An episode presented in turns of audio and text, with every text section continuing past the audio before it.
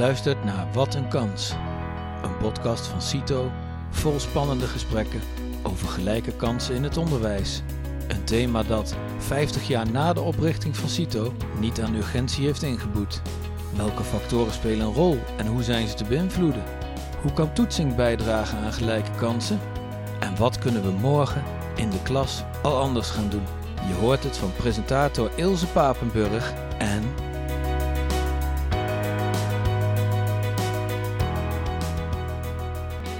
Inge de Wolf, bijzonder hoogleraar onderwijsstelsels Universiteit Maastricht. En Jan Bakker, directeur van de Sint-Jan, een basisschool in Amsterdam-West. Met hen ben ik in gesprek over segregatie in het onderwijs. Inge, welke ontwikkelingen zie jij ten aanzien van segregatie in het onderwijs de afgelopen jaren? Ja, we zien daar eigenlijk drie uh, belangrijke ontwikkelingen. De eerste is dat de segregatie in Nederland relatief hoog is. Als je dat vergelijkt met andere landen. Dus als je kijkt naar de wetenschappelijke mate over hoe sterk de segregatie is, dan kunnen veel Nederlandse steden zeg maar, zich meten aan uh, nou ja, Amerikaanse steden, wat altijd een beetje het voorbeeld is van sterk gesegregeerde uh, steden. Uh, dus het onderwijs is eigenlijk sterk gesegregeerd in Nederland. Een tweede wat we zien is dat die segregatie vooral tegenwoordig langs sociaal-economische lijnen is. Dus het inkomen en het opleidingsniveau van de ouders zijn eigenlijk de, de scheidslijn, zeg maar, waar langs scholen gesegregeerd zijn. Dus de ouders op een schoolplein lijken steeds meer op elkaar. In die zin dat ze steeds vaker ongeveer hetzelfde verdienen. En ongeveer eenzelfde opleidingsniveau hebben. En de etnische segregatie, dat is eigenlijk het hele mooie nieuws. De etnische segregatie zien we afnemen in het Nederlands onderwijs. Dus ik zeg altijd, hè, de kinderen van de Iraakse tandartsen zitten tegenwoordig met de kinderen van de uh, tandartsen, de Nederlandse tandartsen op school. Um, dus uh, nou ja, goede nieuws dat de etnische segregatie afneemt. Maar dus langs sociaal-economische lijnen neemt hij eigenlijk toe uh, en is hij dus hoog. En Jan, in hoeverre speelt segregatie bij jou op school of in het verleden? Ja, de, de Sint-Janschool was in het verleden een, een, een school met een vrij ja, opleidingsniveau laag van de ouders. Uh, inkomen was vrij laag, dus een arbeidersschool. Toen veranderde de buurt. Toen kwamen er veel uh, gastarbeiders, ook veel Surinaamse kinderen. Toen veranderde weer de buurt, veel Marokkaanse en Turkse kinderen. Uh, wel heel divers, ongeveer 25 nationaliteiten. Nou, toen veranderde, verschoot de school van kleur. En op dit moment zijn er zo'n 35 talen. En ja, eigenlijk is de school een afspiegeling van de buurt geworden. We zijn ook enorm gegroeid. Van 180 kinderen naar nu 470 kinderen. We kunnen lang niet alle ja, kinderen plaatsen die bij ons willen komen. En ja, segregatie was er vroeger al en is er nog steeds eh, als je kijkt naar Amsterdam. De verschillen worden wel groter. Dat heeft wel te maken, inderdaad, wat Inge zegt met de portemonnee heeft dat dus niet meer het kleurtje of waar je vandaan komt, hoewel je dat natuurlijk nog wel ziet in Amsterdam. Kijk naar Zuidoost of Nieuw-West, bepaalde wijken. Er is toch uh, ja, veel, veel Turkse en Marokkaanse kom af. Het wordt schrijnender als je uh, terugkijkt. Ja, ja, je ziet, uh, Jan, dat het inderdaad, hè, wat ik net al zei, inderdaad heel hoog is vergeleken met heel veel andere, bijvoorbeeld Europese landen, die segregatie in Nederland. Je vertelt net, vind ik interessant, hè, dat op jouw school zeg maar, de, nou ja, de, er ook wel fasen zijn geweest zeg maar, met de veranderende leerlingpopulatie. Ik was benieuwd, is het team wel vrij stabiel of heb je, is er eenzelfde segregerende tendens met, uh, met je lerarenteams? Nou, je ziet meer wat er in de maatschappij gebeurt, zie je ook terug ja, op deze basisschool, maar op elke basisschool. Mannen, die kan je op uh, twee vingers stellen. Dus het zijn er maar twee van de 40 mensen die hier werken. Uh, allochtone medewerkers, leerkrachten of van allochtone komaf zijn er niet, alleen de conciërge.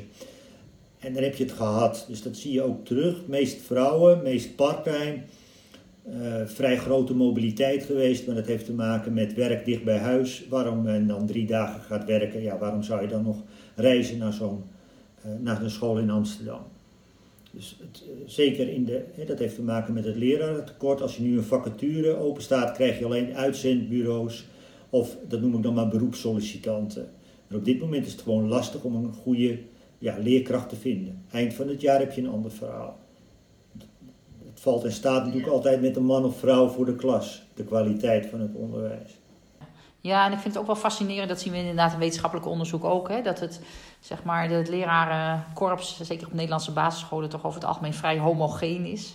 Uh, terwijl die segregatie van de leerlingpopulatie, uh, nou ja, eigenlijk een heel andere soort uh, trend is. Hebben jullie het daar met de lerarenteams wel eens over, Jan? Nou, eigenlijk niet. Ja, dat komt ook mede door corona, want je spreekt elkaar bijna niet. er werken hier 40 mensen ja, je kunt niet meer samen eten. Nu hebben we er gelukkig een wat grotere teamkamer gekregen, dus dat kan. En anders at men ja, in zijn eigen klas. Dus het sociale contact is er bijna niet meer. Daarvoor heb je het wel eens over, ja, waarom zijn er weinig mannen? Ja, dat gebeurt. Er komen geen mannelijke studenten, geen mannelijke sollicitanten. En, en het is toch ja, bepaald slag wat kiest voor het leraar zijn. Dus dat is niet zo gesegregeerd als uh, de Nederlandse samenleving als je voor het geld ga je niet het onderwijs in. Nee. Nou, misschien even terug naar de, naar de kinderen. Hè? Dus de, eh, wat je ziet, ik ben benieuwd of je dat in Amsterdam West ook ziet. Wat je in het wetenschappelijk onderzoek ziet, is dat het ook heel erg verschilt tussen de wijken. Dus dat je, hè, Amsterdam West is natuurlijk een heel erg diverse wijk. Kinderen, nou ja, uit alle, zeg maar, van verschillende uh, etnische afkomsten. En ook hoog en uh, over het algemeen wat. wat minder zeg maar, hoog opgeleid en um, uh, wat armere gezinnen over het algemeen, maar super divers. Wat je wel vaak ziet, en ik was benieuwd of dat bij jullie in de Westen ook zo is, is dat de scholen dan ook wel daarbinnen weer verschillen. Er zijn veel scholen in Amsterdam West en dan vooral praat ik over de baasjes, hè, want dat is natuurlijk een bepaald gedeelte in West. En je ziet ook duidelijk wel verschillen tussen de scholen onderling, ondanks het feit dat ze op een kilometer van elkaar af liggen. En dan, dan heeft dat toch weer te maken met de hoeveelheid. Ja, en eigenlijk is dat de portemonnee van de ouders. Of hoe, welke, ja, welke weging zij krijgen van het CBS, om tegenwoordig maar. Je kijkt natuurlijk naar het opleidingsniveau, naar de schuldsanering en hoe lang ze in Nederland zijn. Dan zie je toch wel grote verschillen in scholen. En ouders kijken daar bewust naar. Die ouders zoeken een school waarin zij zichzelf herkennen. Gelijkgestemde mensen, een beetje kort door de bocht geformuleerd. Plaatsingsbeleid wat ze hebben, dat helpt niet zoveel daaraan. Dat maakt het niet uit, want je hebt acht scholen en je hebt altijd dezelfde scholen die vol zitten. Van de 32 scholen in West zijn er vijf altijd vol. En dat zijn de favoriete scholen. En zit jouw school daarbij? En wat is dan de leerlingpopulatie op die scholen? Mijn school zit daarbij uh, en wij hebben 32 eh, nationaliteiten. Het merendeel van de ouders is hoog opgeleid, wetenschappelijk opgeleid de laatste jaren. Natuurlijk enorm van kleur verschoten. Als je kijkt naar de gemeente, dan van die 470 kinderen vindt de gemeente, moet ik even goed kijken, dat wij uh, ongeveer nog 35 doelgroepkinderen hebben. Volgens de gemeente. Dus die enige zorg nodig hebben die kinderen. Het is over het algemeen ouders wetenschappelijk en hoog opgeleid maar heel divers. Dus ook inderdaad die Iraakse tandarts of uh, een docent uit uh, Oostenrijk, etc. 25 jaar geleden wilde je niet gratis wonen in Amsterdam-West, zeker niet bij het Mercatorplein. dat was nou niet echt een veilige buurt. Nou, toen kwamen er uh, appartementen, toen veranderde de samenstelling van West. Een groep ouders die woonden aan de overkant van de school, die zeiden van nou dat is toch een goede school. En die zijn toen een actie begonnen eh, om, om, de school te promoten. En dat is, ja, dit is een, een van de weinige succesnummers uh, in dat gebeuren om scholen gemengd te laten worden en ook te laten blijven. Want ook ouders van laag opgeleide, ja, die, die, die melden zich ook aan hier. Alleen de populatie in de buurt is veranderd, dus dan verandert ook de schoolpopulatie. En langzamerhand is dat veranderd. Dat was in best wel soms lastig in het begin omdat je had ook hier uh, ja, de echte Jordaanese Amsterdammers. En die zeiden van nou komen die juppen ons even vertellen hoe wij dat hier moeten doen met de oude raad. Maar gaandeweg heeft dat zijn plek gevonden. Want ik denk uiteindelijk is, is het kind wat ouders bindt. En dan maakt het niet uit wat je verdient of waar je vandaan komt. Maar het gaat om het kind. Nou, dat breng je naar buiten toe als school. En dat trekt dan weer andere ouders aan. En, en dat moet je blijven doen. En je school in de markt zetten, blijven verkopen goed onderwijs bieden. Want dat, dat is de kern, dat is de opdracht die ik heb. Ja. Ja. ja, dat is wel heel mooi. Maar ik blijf het fascinerend vinden. Wat we dus in dat wetenschappelijk onderzoek ook zien, is dat er dus in eenzelfde wijk, zeg maar, heel verschillende type scholen zijn. Dus ik vond het heel interessant. Bijvoorbeeld in Utrecht, hè, waar ik zelf dan uh, woon, heb je een, uh, nou ja, eigenlijk een soort schoolplein. En er zitten drie scholen aan. En je kunt afhankelijk van welk kind aankomt lopen al een beetje voorspellen van oh, die gaat naar die school, die gaat naar die school en die gaat naar die school. Dus er is er één vooral voor leerlingen met een uh, migratieachtergrond. Er is er één voor hoger opgeleide ouders en de andere voor arbeiderskinderen zonder migratieachtergrond. En dat vind ik toch ook wel een gek situatie. Dus op het moment dat je zo afspiegeling bent van je wijk, uh, snap ik het heel goed. Hè? Dus de, uh, nou ja, maar als je dat niet bent en als je dus met z'n drie op een schoolplein staat uh, met drie verschillende scholen en je hebt zo'n andere leerlingpopulatie, dat vind ik toch een, iets fascinerends. Dus ik was benieuwd, Jan, hoe denk jij daarover? En hoe zit dat bij jou in de buurt? Het zit in de mens. En, en ik denk dat dat gewoon een gegeven is en dat kun je toch niet veranderen. Mensen zoeken herkenning waar ze zich thuis voelen. En wij, hebben, wij zijn een gemengde school en met kerst zie je gewoon ja, de Turkse ouders die klitten bij elkaar en de Marokkaanse klitten bij elkaar. Een paar jaar geleden nog voor coronatijd. Nou gebeurt er niks meer. In jouw straat heb je ook niet met iedereen contact. Dus mensen zoeken toch op wat klikt, waar ze mee kunnen praten, wat dezelfde beleving is. Erken dat gewoon en maak daar geen probleem van. Datzelfde zie ik met die kansenongelijkheid. Erken dat het er is tussen de kinderen, want daar gaat het uiteindelijk om. En ga kijken hoe zorg je ervoor dat die kinderen die wat nodig hebben, dat die het onderwijs krijgen waar ze recht en waar ze, wat ze verdienen. Volgens mij heeft Nederland wel twee uitdagingen op dit terrein. Twee dingen waar ik nou, toch wel zorgen om heb als het gaat om segregatie. En de eerste is dat het in ieder geval voor de sociale ontwikkeling voor leerlingen weten we dat het niet gunstig is. Hè? Dus we weten dat het voor de cognitieve ontwikkeling, daar verschillen de resultaten heel erg over. Daar lijkt het niet zo heel erg uit te maken. Maar als het gaat om de sociale ontwikkeling en hoeveel nou ja, hè, verschillende culturen ken je, uh, heb je respect voor andermans meningen. Daar weten we uh, uit onderzoek dat gesegregatie heel erg slecht is. Dus dat is eigenlijk vraag 1 uh, eh, aan jou. En een tweede, wat ik misschien nog wel erger vind, is dat de, um, het lerarentekort zich concentreert zeg maar, op sterk gesegregeerde scholen. In ieder geval scholen waar veel kansarme leerlingen clusteren. Dus daar zijn gewoon minder goede leraren, meer vacatures, meer lesuitval, meer verloop, meer beginnende leraren, weten we ook allemaal uit onderzoek. Dus dan krijg je toch, dat is een beetje mijn zorg, als, als een deel van de, hè, van de scholen zeg maar, nou ja, veel minder last heeft van het lerarentekort en daar nou, hoger opgeleide ouders hun kinderen heen sturen. En een andere deel het moet doen met meer lesuitval en uh, beginnende leraren. Dan denk ik, ja, dan doen we iets niet goed, omdat ik zelf nou ja, dat weten we ook uit onderzoek, hè, weten we dat eigenlijk de kinderen op die, zeg maar, die kansarme kinderen eigenlijk goed onderwijs veel, nog veel harder nodig hebben dan de leerlingen van hoger opgeleide ouders. Ehm, dus ik zie twee problemen. Wat betekent het voor de sociale ontwikkeling van leerlingen als zo'n heel sterk gesegregeerd onderwijssysteem en een tweede is, is er niet toch een kwaliteitsverschil langzaam door het leraartekort aan het ontstaan tussen scholen met veel kansarme leerlingen en scholen met veel kansrijke leerlingen? Het ene is denk ik dat als je wilt dat, dat het moet mengen door elkaar, dan zul je daar een soort sturende factor in moeten doen, gaan doen als overheid, als gemeente. Anders gaat het gewoon niet lukken. En het andere is, ook het nadeel is dat uit onderzoek blijkt, hè, of het parool zegt dit, of de gemeenteraad zegt dit, dan, dan bevestig je eigenlijk dat idee. En natuurlijk zijn er scholen waar het lerarentekort erger is. Maar dat geldt niet voor elke school met een hele zware CBS-weging, noem ik het maar even, met achterstanden volgens het, volgens het ministerie. Dus ik, ik pleit meer voor nuance in die berichtgeving ook, anders bevestig je gewoon het beeld naar de gemiddelde Nederlander. Nou, op die school, dat soort scholen moet je niet komen, dat is een zootje. Kijk, als je ziet dat voor de zomer groot lerarentekort in Amsterdam. Als je kijkt naar hoeveel vacatures er openstaan in juni, is het iets anders. Veel beter is, lijkt mij, om te zeggen, nou bepaalde scholen, ja, die, die hebben het gewoon moeilijk. Maar sluit die, punt uit. En verdeel die kinderen over de andere scholen. En dan moet je maar, als je het serieus neemt, het probleem, hè, ook onderwijsbestuurders en gemeenten, ja, dan hou je gewoon op een favoriete witte school zoveel plaatsen over voor zoveel kinderen van een andere school die komen. Maar dan zie je gebeuren in Amsterdam, ja dan gaat de deur ineens dicht, want die hoef ik niet.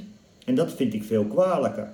Eh, dus, dus aan de ene kant wil men veel, maar doe dan ook in actie en in je handelen dat je dat ook meent wat je wil. Laat dat zien. er zijn zat scholen waar het wel goed gaat. Hè? En datzelfde is ja, een soort mantra wat je dan hoort, achterstanden, achterstanden. Stel eerst eens vast, hè, met, met onafhankelijke toetsen, dat er achterstanden zijn. En er zijn ook scholen die helemaal geen achterstanden hebben. Dan kan je zeggen, nou, dan kan je vraagtekens zetten bij het onderwijs. Maar aan de andere kant kan je ook, ja, wat, wat voor voorwerk hebben ze gedaan en hoe hebben zij het onderwijs vormgegeven in, in de digitale lesgeven tijdens de coronalockdown. Dus de nuance ontbreekt een beetje. En, en dat versterkt het gevoel. En dus stel vast wat er is, stel ook vast wat er werkt hè, door wetenschappelijk onderzoek. En, en breng dat in praktijk. Ja, uh, ik wil er toch nog heel even op reageren. Uh, en dat is dat, kijk, dat, dat onderzoek laat juist zien hè, dat dat leraartekort zich concentreert op scholen waar, met een hoog schoolgewicht in het basisonderwijs. Hè. Dus daar is het leraartekort echt fors groter. Dat kunnen we met z'n allen niet leuk vinden. Maar ik denk dat een oplossing begint dan toch bij na te denken van hoe krijgen we dan het leraarschap bijvoorbeeld op die scholen aantrekkelijker. En dan moet je dat wel onder ogen willen zien. Uh, dus moet je dat volgens mij, uh, nou ja, inderdaad wel. Eh, dus we kunnen het met z'n allen. Je wilt het ook niet bevestigen, dat snap ik ook wel. Maar ja, aan de andere kant zijn er gewoon feiten waar wat wel helpt om die onder ogen te zien, om dan goed beleid te kunnen maken. Dus volgens mij is een van de kernpunten. We hadden het net over: kun je leerlingen dan verdelen of moet je scholen sluiten en leerlingen dan verdelen over scholen? Maar je kunt ook zeggen: laten we het leraarschap op scholen met een hoog schoolgewicht gewoon aantrekkelijker maken door nou ja, klassen te verkleinen, hogere salarissen. We weten volgens mij nog niet heel goed wat daar werkt, maar we weten wel dat er een aantal kansrijke interventies zijn uh, waar je dat mee zou kunnen doen, zodat je daar nou ja, toch het toponderwijs uh, wilt gaan uh, verzorgen wat daar nodig is.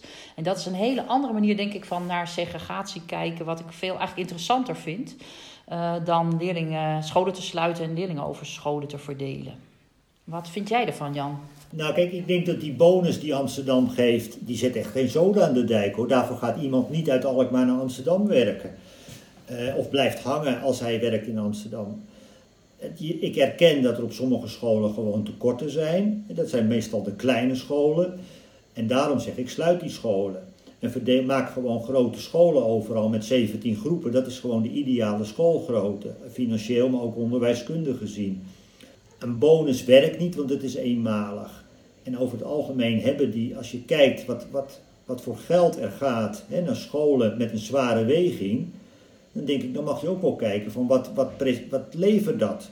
Hè, wordt het wel goed gedaan? Ik ben er vrij kritisch over en niet alleen ik. Als je naar OCO kijkt, hè, hun bevindingen van al het geld wat geïnvesteerd is in het, in het achterstandenbeleid, het rendement is niet al te hoog. Dus er moet iets gebeuren meer in het proces en dat is de leerkracht. En, ik, en uiteindelijk gaat het om de directeur van een school. Hij of zij stuurt die school aan. En dat is de crux van het geheel. Als dat niet goed gebeurt, nou, dan is het uh, binnen vijf jaar afgelopen met die school. Ja, ik ben het helemaal met je eens. Hè? Dus de leraar en de schoolleider zijn de twee cruciale factoren voor goed onderwijs. Maar daarom baart het me juist zorgen om terug te gaan naar segregatie. Hè? Dat eigenlijk die hele goede leraren en die hele goede schoolleiders niet zeg maar, evenredig over de scholen verdeeld zijn. En toch vaker zitten zeg maar, op de scholen met een laag schoolgewicht. Dus daar zit nog wel mijn zorg voor de leerlingen dan. Uh, op sterk gesegregeerde scholen. Of in ieder geval waar, waar een clustering is zeg maar, van kansarme leerlingen. Dat klopt. Als, als het niet goed gaat met leraren en met directies, dan krijg je een soort neerwaartse spiraal op die scholen. En die is bijna niet meer te keren. Maar met wat voor interventie dan ook. Ja, dat klinkt wel vrij hopeloos, maar dat, zie ik gewoon gebeuren bij mij in de scholen in de buurt. En dan daalt het kinderenaantal. Nou, dan worden die klassen nog kleiner. Dan heb je klassen van 18 of nog minder. Maar dat is geen garantie voor succes. En, en kijk wat wel werkt in de praktijk. Dat is ook het manco in het Nederlandse onderwijs. We moeten overal vernieuwen, over, maak bepaalde keuzes. Er zijn bepaalde directeuren die dat heel goed kunnen en leer daarvan. Het geldt niet voor elk. Kijk wat wel een succes is. Daar kun je op sturen. Ja, en Jan, uh, in het verleden is je op jouw school ook veel veranderd. Hè? Wat heb jij als successen zelf ervaren? Nou, het meest grote succes vind ik al, kijk nu naar een foto en dan zie je kinderen op het plein die allemaal plezier hebben. En het maakt niet uit hoe, waar ze vandaan komen, hoe en wat. Dat is de ene kant waarvoor ik het doe. Hè? Dat mensen met plezier naar school gaan, met plezier werken. Ziekteverzuim van 1% al een jaar of zes. Nou, dat zegt ook wat over het algemeen. En dat je, dat je ziet dat je probeert het maximale uit elk kind te halen. Dus, dus ga niet uit van achterstand, maar stel gewoon hoge doelen. En zorg ervoor dat je ze op een juiste manier bijspijkert of bij, bijles geeft in de school. Differentieer en haal eruit wat erin zit. En ga niet gelijk van, van achterstanden uit. Dit heeft Jan nodig, dus dat geef ik aan Jan. En dat probeer ik hè, met al mijn mensen hier, van groep 1 tot en met groep 8, aan te werken. Op een bepaalde cyclische manier, in een ja, kwalitatief goede manier. je analyseert, je doet interventies.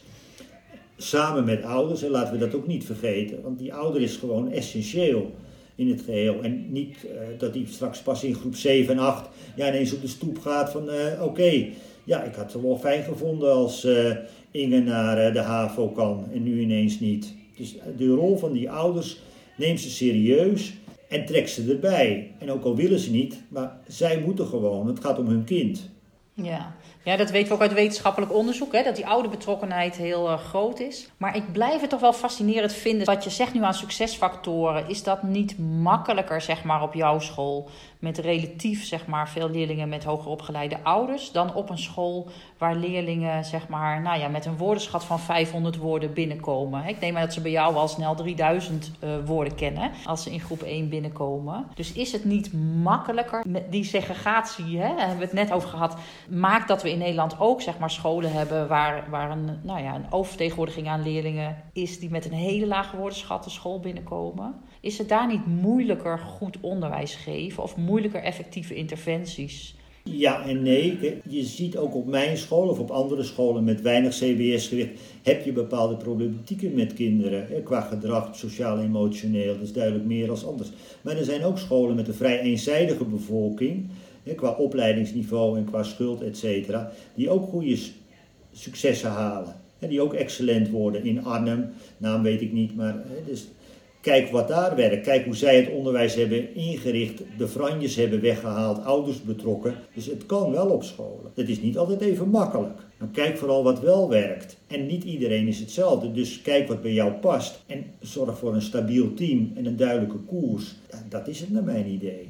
En dat wil niet zeggen dat het garant is voor succes, maar dat krijg je nooit in het leven. Nee.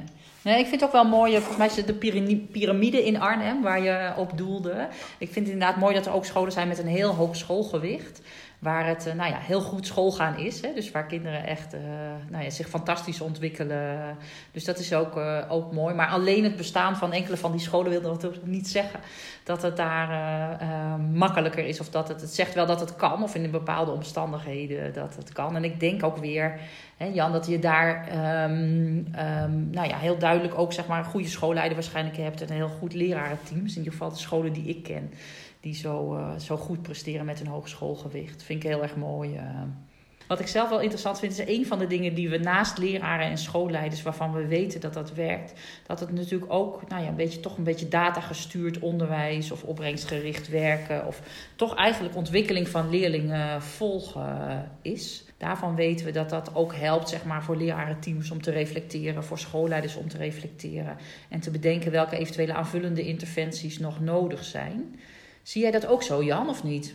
Ja, nee, daar ben ik met je eens. Kijk, je hebt je eigen beeld als eh, leerkracht van je leerling. Nou, is dat ook niet altijd even correct. Ik bedoel, leerkrachten zijn ook mensen. Dus het is gewoon goed om een onafhankelijk, ja, of dat nu CITO is of een ander toets, dat maakt mij niet uit. Een onafhankelijk instrument hebt om te kijken van, oké, waar staat Marie op dit moment? Betekent wel dat je het verhaal ook goed moet weten van, is hij meertalig? Dus hoe zit het dan met spelling of met begrijpend lezen? Want dat is wat lastiger voor kinderen die meertalig zijn. Dat kan lastig zijn, laat ik het zo formuleren. Ik heb ook geen streefcijfers hangen in de koffiekamer of de lerarenkamer van oké, groep 1, 2 heeft nu zoveel gescoord of groep 3. Je moet het ook wel enigszins uh, werkzaam relativeren. Dus en en, dus je werkt met doelen, je, kijkt wat helpt en wat niet helpt en, je past dat aan indien nodig.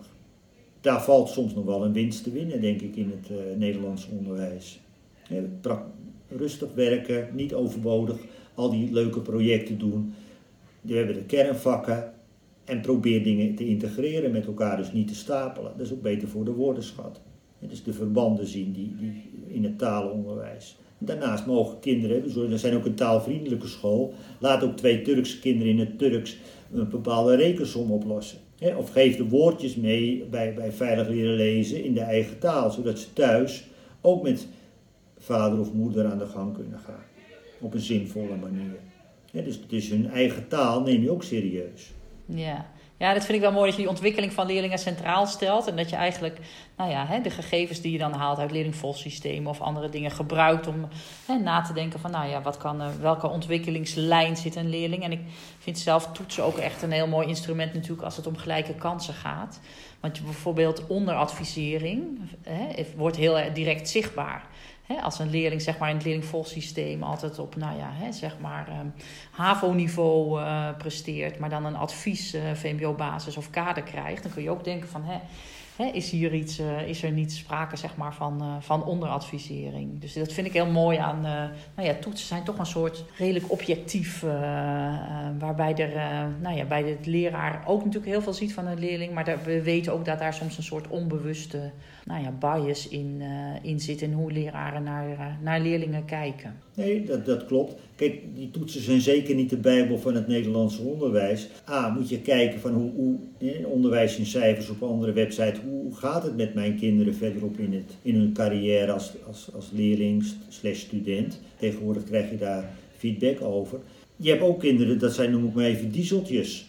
Dus ik pleit echt wat je nu langzamerhand ziet gebeuren, ook in Amsterdam voor brede brugklassen. Ik vrij idioot dat in zo'n basisschool zit alles bij elkaar en dat moet het allemaal maar kunnen. Van een IQ van 75 tot 135 en alle ADHD's en dyscalculie en weet ik het allemaal door elkaar. En bij het VO, ja, oké, je gaat naar links of je gaat naar rechts. En dat is het dan. En als je mazzel hebt, kom je er nog ergens tussendoor. Die brede brugklasse vind ik gewoon ideaal. Mogelijk is dat die corona, omdat scholen moesten nu wat hoger of wat makkelijker adviseren blijkt dat dat een gunstig effect is voor de carrière voor kinderen. Want natuurlijk als jij altijd traint met de eerste divisie en dan ineens met, met de Champions League, ja, dan wordt toch wel wat anders van jou verwacht. Dus dat geldt ook voor een HAVO- of VWO-leerling. Dus je wordt altijd gestimuleerd door je omgeving. En als jij kinderen maar bij VMBO Neerzet en die komen nooit in aanraking met VMBO T-stof, dat is gewoon jammer. Dus daar valt zeker nog winst te halen in het Nederlands onderwijs. Want eigenlijk is het, hè, zeker in Amsterdam, nou het VO nog meer gesegregeerd bijna dan het PO. Ja, in het voortgezet onderwijs hebben we natuurlijk heel duidelijk hè, die verschillende niveaus. Waar, dat begrijpen mijn buitenlandse collega's ook nooit. Dat we leerlingen eigenlijk nou ja, bijna in zeven verschillende niveaus van praktijkonderwijs zeg maar, tot gymnasium uh, uh, indelen. En ook op zo'n heel vroege leeftijd. Dus zo heel gedetailleerd ja, bestaat eigenlijk niet in de wereld. En uh, zo heel vroeg zijn we ook een van de weinige landen met Duitsland en Tsjechië die dat zo heel vroeg doen.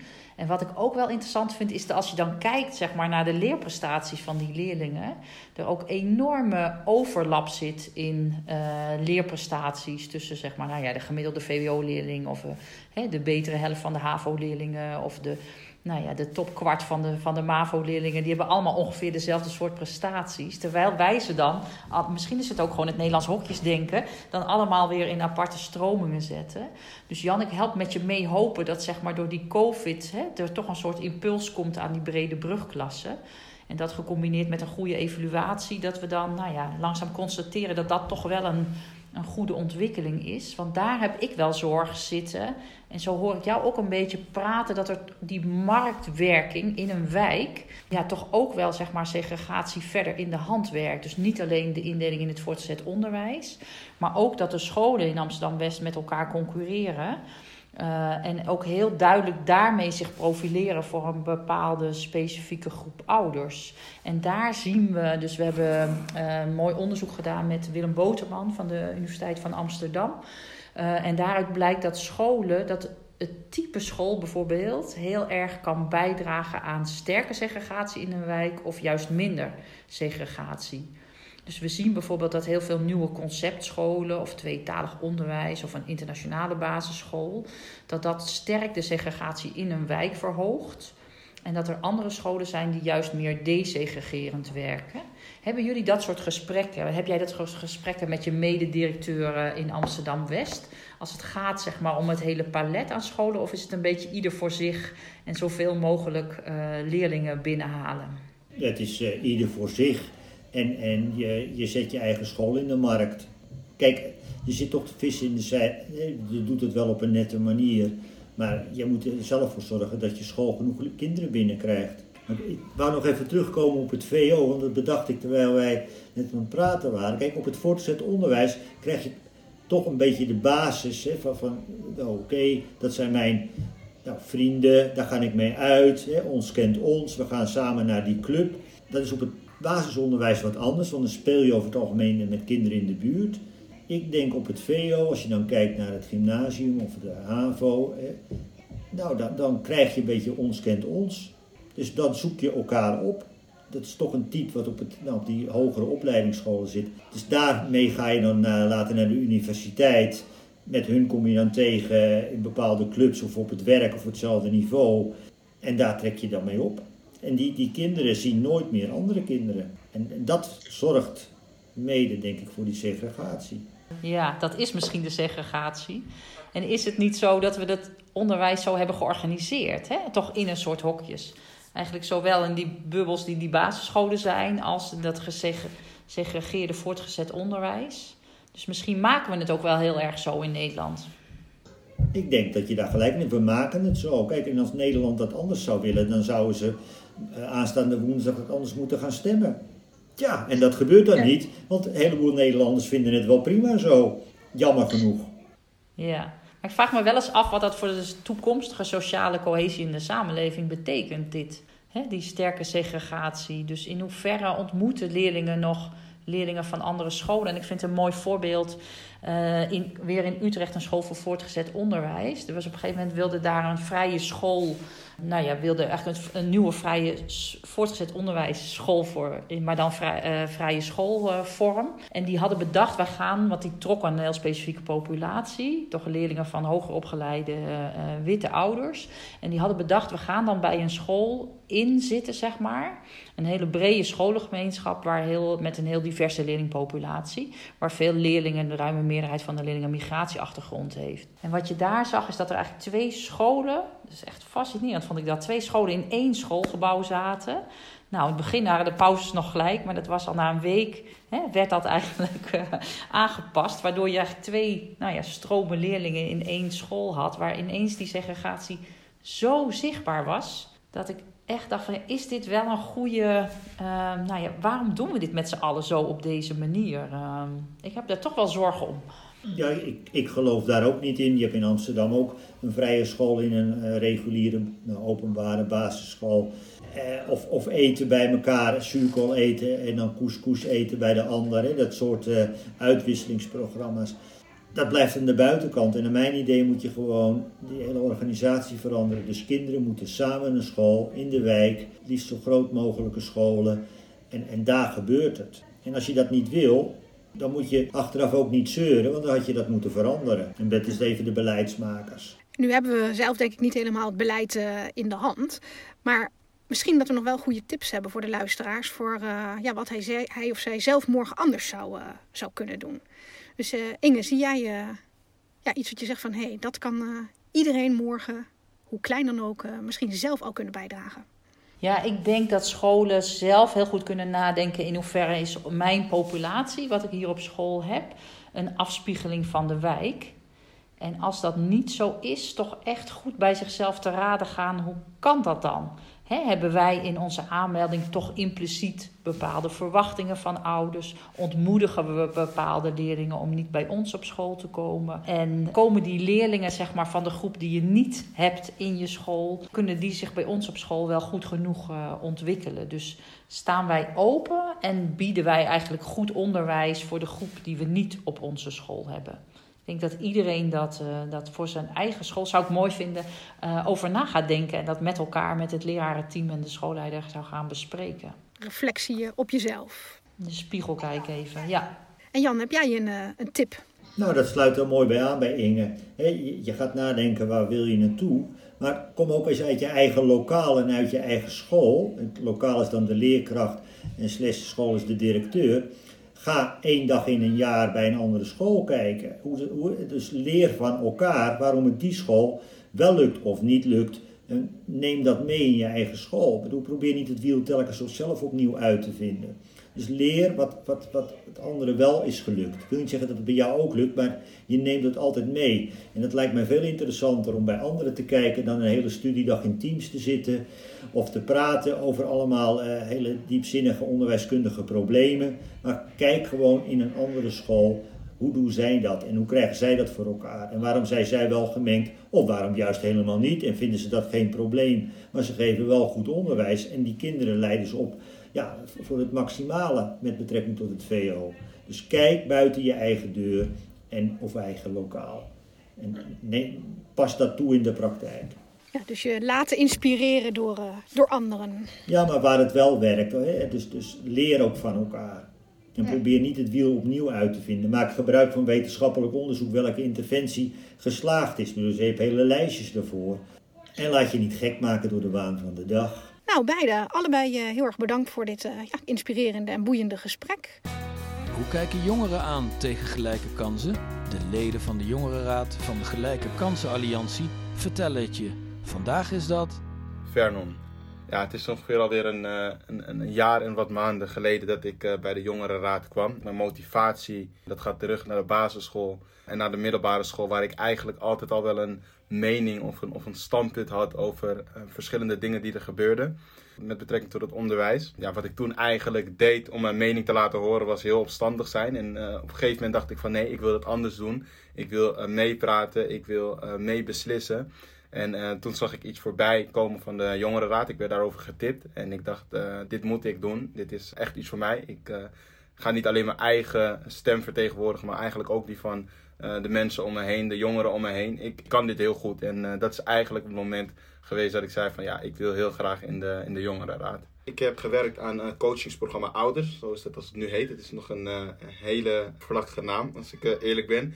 Maar er wordt aan gewerkt. Het is eigenlijk ontstaan nadat ik in de eerste intelligente lockdown, dat was in maart 2020. Toen zag ik dat op het moment dat de scholen dichtgingen en de leerlingen thuis onderwijs moesten volgen, toen zag ik dat er heel veel initiatieven langskwamen om, om leerlingen te ondersteunen. Er kwamen laptops vrij, er kwamen, programma's op televisie, op YouTube, van alles, van alles werd er bedacht.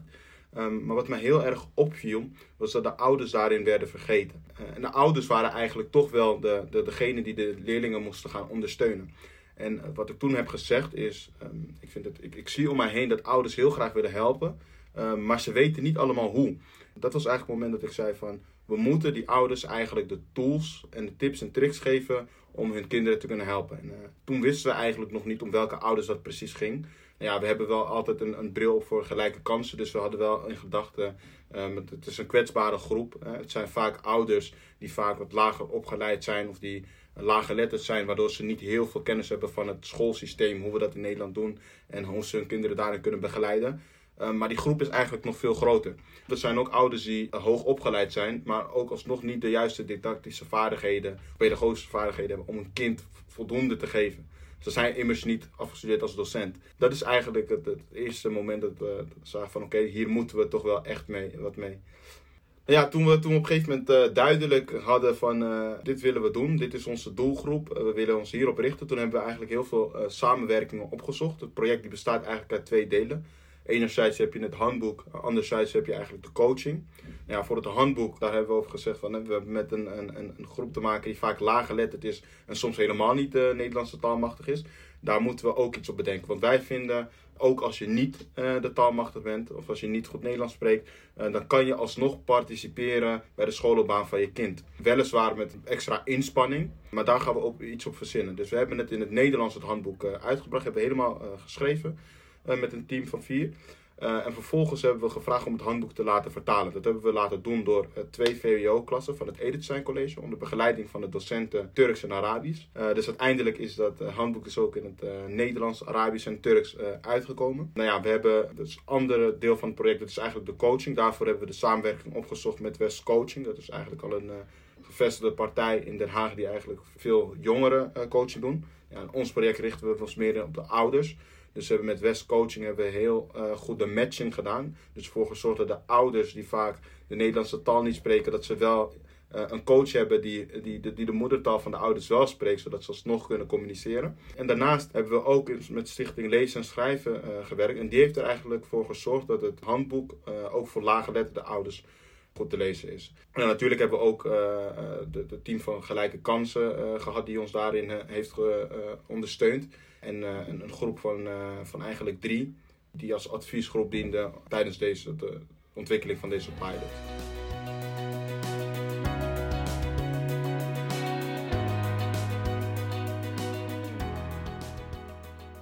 drie weken geleden hebben we de kick-off gehad van de, van de pilot. Dus die is toen van start gegaan. We hebben, zijn gestart met vier gezinnen in Den Haag. Op een basisschool. Het uh, Palet heette de basisschool. En de coaches zijn aan de slag gegaan met het uh, programma uh, van zes weken. We zitten nu op de helft, op drie weken. En de, ja, de, de, de, reacties die we van de ouders tot nu toe hebben gekregen, die zijn echt, echt ontzettend goed. Je ziet dat de ouders eigenlijk verschillende ja, redenen hebben waarom zij eigenlijk nog niet volledig kunnen participeren. En op die verschillende redenen proberen de coaches in te spelen. Ja, we krijgen echt ontzettend leuke en uh, goede reacties uh, van ouders die echt de meerwaarde van dit project inzien. En eigenlijk nu ook al aangeven van als ik dit nog eerder dan had ge gehad, dan had ik nog, nog eerder kunnen participeren. Want we doen dit nu in groep 8. En eigenlijk geven ouders aan van ja, eigenlijk wil ik dit al in groep 6 doen. Zodat ik er vroeg bij ben. En daar, en daar luisteren we dus gewoon heel goed naar. Het is immers een pilot, dus we proberen zoveel mogelijk feedback op te halen. En, ja, en uh, we zijn gewoon ook druk bezig om naar de toekomst te kijken van hoe kunnen we uh, die feedback meenemen en kunnen we het verder doorontwikkelen voor misschien ook andere leerjaren en opschalen ook buiten, buiten Den Haag, maar ook groter in Den Haag. En uiteindelijk hopelijk door heel Nederland om gezinnen te helpen.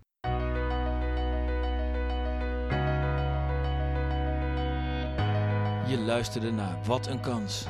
Vond je dit een boeiende podcast? Vertel het dan aan je collega's. Heb je zelf tips of ideeën om gelijke kansen in het onderwijs te bevorderen? Laat het ons weten via een comment of mail naar citolab@cito.nl. Wil je meer weten over dit thema? Surf dan naar www.cito.nl/gelijke kansen. Bedankt voor het luisteren.